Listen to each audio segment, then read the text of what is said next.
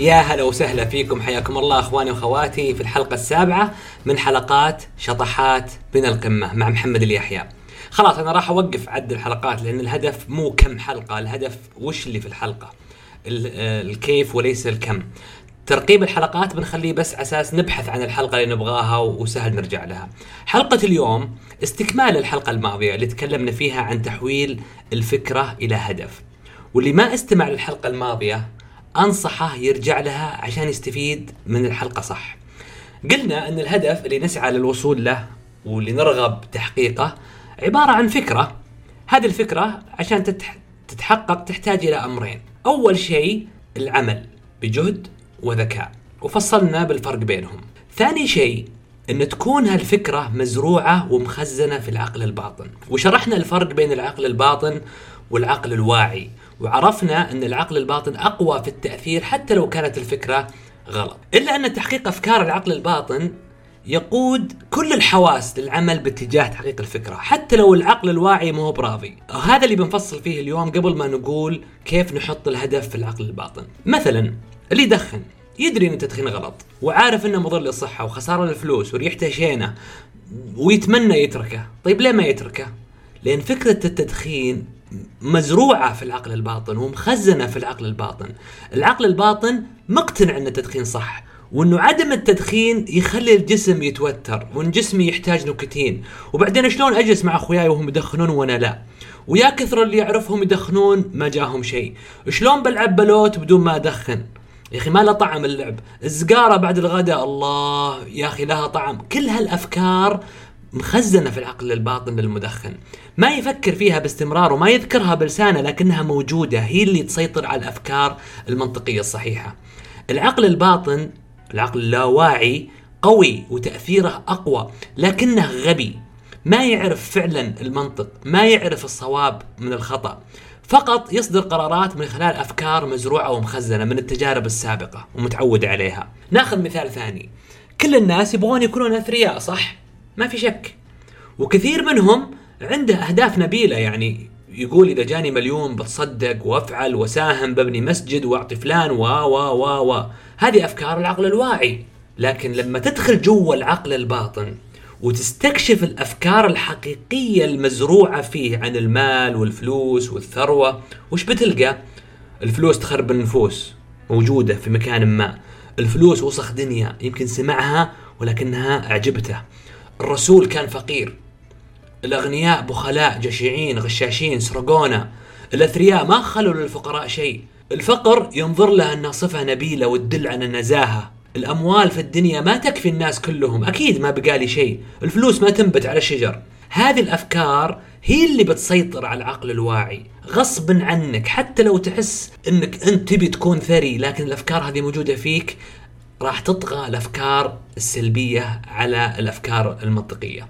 ومع إن كثير مع إن مع إنه كثير من هالأفكار السلبية أصلا مو بصحيح لكنها مزروعة في داخلك من من يومك صغير مزروعة من الأفلام اللي تتابعها من معاناة الناس اللي فشلوا في تحقيق الثراء من المجتمع اللي حولك المحيط اللي أصلا يعتبر السوالف عن الفلوس عيب. طيب السؤال اللي يسوى مليون دولار شلون ما أخلي عقل الباطن يتحكم؟ الجواب ما تقدر. بكل بساطة لا تحاول. العقل الباطن راح يسيطر دائما. طيب وش الحل؟ الحل إنك تقتلع الأفكار السلبية اللي تتعارض مع هدفك من جذورها وتزرع أفكار جديدة وتعتني فيها. طيب شلون؟ خل نبسط الموضوع. إحنا نقول تزرع. يعني تخيل فكرتك مثل البذرة اللي تبغى تزرعها. وان عقلك الباطن هو التربة اللي بتحط فيه فيها البذرة. مهما كانت البذرة ممتازة وصالحة للزراعة ومأخذها من ثمرة نقية ما ينفع تغرسها وتبذرها في تربة خربانة أو تربة مليانة حشائش ونباتات ضارة. ما راح تنبت. فلا بد تنظف التربة أول شيء وبعدين تحط بذرتك وبعدين تعتني فيها. مثلا هدف تحقيق الثروة. اكتب الأفكار اللي تتوقع أنها موجودة في عقلك الباطن. ترى يمكن ما تدري عنها إلا لما تدور. اكتبها في الدفتر اللي فتحناه قبل حلقتين. واكتب تحت كل فكرة عكسها. والأسباب اللي تقنع نفسك بها إن الفكرة غلط. اكتب بيدك أحسن. الفكرة لما تنكتب باليد مو زي لما تكتب بالكمبيوتر. تطلع من عقلك وكذا وتمر بالأعصاب لما توصل يدك وتنزل من القلم على الورقة وبعدين عينك تقرأ. المكتوب ويرجع لعقلك مرة ثانية هذه دورة ممتازة لتثبيت المعلومة في العقل الباطن. خلنا ناخذ بعض الأمثلة بخصوص المال مثلا. الفلوس تخرب النفوس. تقول بالعكس لما يكون مع الواحد فلوس راح يرتاح نفسيا وراح يكون أقدر على حل المشاكل بسهولة أكثر. مثلا فكرة الفلوس وسخ دنيا. تقول هذا كلام فاضي وما له أصلا أي أصل ولا مصدر وما قاله أصلا إلا واحد فقير فكريا وما قدر يصير ثري ولا يا زين ريحة الفلوس وإذا هي وسخ ما يخالف جبها وأنا بغسلها ما عليك. فكرة الرسول كان فقير. أصلا غير صحيحة المعلومة هذه. الله سبحانه وتعالى يقول ووجدك عائلا فأغنى. أغنى يعني خلاك تستغني عن الناس. الرسول صلى الله عليه وسلم كان عفيف كان زاهد في الدنيا لكن ما, ما كان فقير. وهو اللي كان يقول اللهم صل وسلم عليه المؤمن القوي خير وأحب إلى الله من المؤمن الضعيف. القوة إحنا عارفين ما هو بس بالفلوس القوة أيضا بالمال.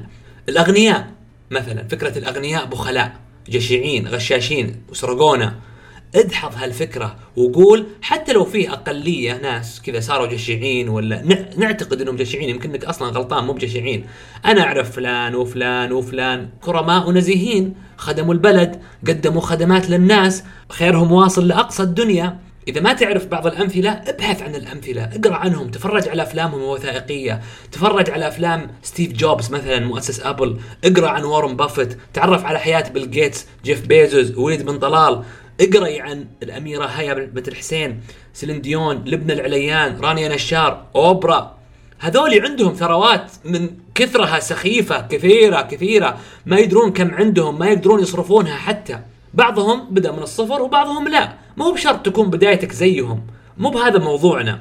هذولي أثرياء بشر. فيهم الطبايع الحسنة وفيهم الطبايع السيئة. مثل الفقراء فيهم الطبايع الحسنة وفي الطبايع السيئة. إذا تحس أنك ما عرفت ولا واحد منهم ولا واحد من الناس اللي ذكرناهم هذا دليل أن عقلك الباطن ما يبغى يكون ثري أصلا. آسف يعني هذه حقيقة لازم أعلمك فيها. كيف تبغى تصير ثري وأنت ما تعرف ولا واحد ثري؟ كيف تبغى تصير ثري وأنت ما تتخيل شكل الثروة كيف؟ كيف شكل الحياة وأنت تكون ثري؟ أو الاسوء أنك تكره تكون مثلهم ما تبي تكون مثلهم مستحيل تكون ثري. فإذا ما تعرف الأسماء اللي ذكرناها بعيدها ثاني وفي غيرهم ملايين ترى بس بكت يعني بذكر هذولي اكتب الأسماء. اختر كم شخصية تعجبك. تعمق في حياتهم شوف أفلامهم. إذا حصل لك تتواصل معهم تراسلهم تشتغل عندهم لو بلاش ما في مشكلة. ما أقول خلك خلهم قدوة لك. لا أخلاقهم لهم تمثلهم. خذ منها الزين واترك الشين. لكن مخالطتك للأثرياء شيء مهم. راح تغير طريقة تفكير عقلك الباطن مع الوقت. وفي معتقد خطير أيضا. الفقر ينظر له أنه صفة نبيلة وأنه يدل على النزاهه هذا فقير نزيه الله حكيم. ما هو بشرط. في فقراء أنجس منهم ما فيه. وهذا اعتقاد خاطئ أن الفقير نزيه. الفقر حالة ذهنية. الفقير أصلا فقير فكريا أكثر من إنه فقير ماديا. الفقير واللي مستمر على حاله يسأل الناس ويطلب ويشحت وينتظر فزعة الناس له هذا مشكلته مو بالفلوس. مشكلته إنه ما يعرف يتعامل مع الفلوس ولا مع نفسه. مشكلته إنه ما يثق في نفسه يشوف نفسه أقل من الناس وإنه حيبقى طول عمره مسكين. الفقير لو تعطيه مليون وتجي بعد سنة بتلقاه طارت ولا راح نصها. أما الثري لو تاخذ منه فلوسه بيرجع يسويها مرة ثانية. الثري ممكن ينكسر لكن عمره ما يقبل إنه يكون فقير. عقله الباطن ما يقبل إنه يكون فقير ما يشوف نفسه فقير. الفكرة الأخيرة الأموال اللي في الدنيا ما تكفي الناس كلهم. أكيد ما بقى لي شيء الناس خذوا الفلوس كلها الفلوس ما تنبت على الشجر. بالعكس هذا مفهوم خاطئ جدا جدا. تدرون لو الأموال اللي في الدنيا توزعت على الناس كلهم كم بيكون نصيب البالغين؟ خلينا نحسبها. الكاش اللي في الدنيا الآن كم؟ خمسة تريليون دولار. وقاعدة تزيد. طبعا هذه معلومات المفروض تبحثون عنها وتقرون. والأصول الثانية ودايع ما ودايع وأسهم هذه 80 تريليون. ما علينا منها لأن نحسب الكاش. 5 تريليون دولار. كم عدد البالغين اللي على وجه الكرة الأرضية اللي من عمره 15 إلى 65 4.7 مليار. خلينا نقول 5 مليار. يعني لو قسمنا 5 تريليون على 5 مليار نسمة بيطلع نصيب كل واحد مليون دولار. مو مليون ريال مليون دولار. فكروا فيها شوي. معناته تقدر على الأقل تاخذ من الدنيا مليون دولار وما تعتبر اخذت من أحد شيء. أصلا ما حد داري عنك. في السعودية نجي ندخل على السعودية عشان نعرف إن الخير أكثر. حوالي 20 مليون بالغ. مواطنين ومقيمين. لو قسمنا فلوس السعودية الكاش حسب آخر الإحصائيات من مؤسسة النقد 322 مليار ريال. يعني بالتساوي الواحد مفروض ياخذ 16 مليون ريال. طبعا الله فضلنا على بعض فضل بعضكم على بعض درجات. الله عنده حكمة أنه مو نكون بالتساوي. لكن رقميا في 16 مليون ريال ممكن تكون من نصيبك. فلا تقولون لي ما في فلوس تكفي. الخير واجد موجود خصوصا في بلدنا لكن ينتظر أحد يسوي المطلوب عشان ياخذ حقه. تدرون كم عدد المليونيرية اللي في السعودية؟ يعني مليونير دولار. كم واحد عنده مليون دولار ثروة؟ يعني ثلاثة مليون ريال و700 ألف. المفروض إنكم تعرفون هالمعلومات تسألون هالأسئلة باستمرار. في السعودية عام 2019 فيه 147 ألف مليونير. متخيلين العدد؟ 147 ألف مليونير. لا وكل سنة يزيدون 14 ألف. كل سنة. يعني بالمعدل كل يوم في 40 مليونير جديد. في أمريكا 1800 في اليوم. بس عندنا في السعودية 40 مليونير جديد. تخيلوا. تخيل في طابور يوزع مليون مليون دولار على 40 شخص كل يوم. وفي شروط معينة لازم تتوفر فيك عشان توقف في هالطابور. هل أنت بتروح لذا الطابور؟ هل أنت أصلا تعرف وين الطابور فيه؟ هل أنت واقف في طابور صح ولا واقف في طابور غلط؟ نرجع لموضوعنا. عشان نختم. كثير من الأفكار اللي نبيها تكون وليدة اللحظة. وليدة العقل الواعي. نتحمس ونعزم نسويها لكن ما ندري إلا والفكرة نامت. ليه؟ لأن العقل الباطن ما زرع الفكرة وما يبيها. لأنك ما حطيت الفكرة في راسك هذا المفهوم. حط حط الموضوع في راسك. لازم تحط الفكرة في راسك تزرعها تؤمن فيها وتتخلص من الأفكار المضادة لها. تبي تفتح مشروع أحلامك مثلا. عقلك الباطن خوف من الفشل. أخاف أخسر فلوسي وأضيع وقتي.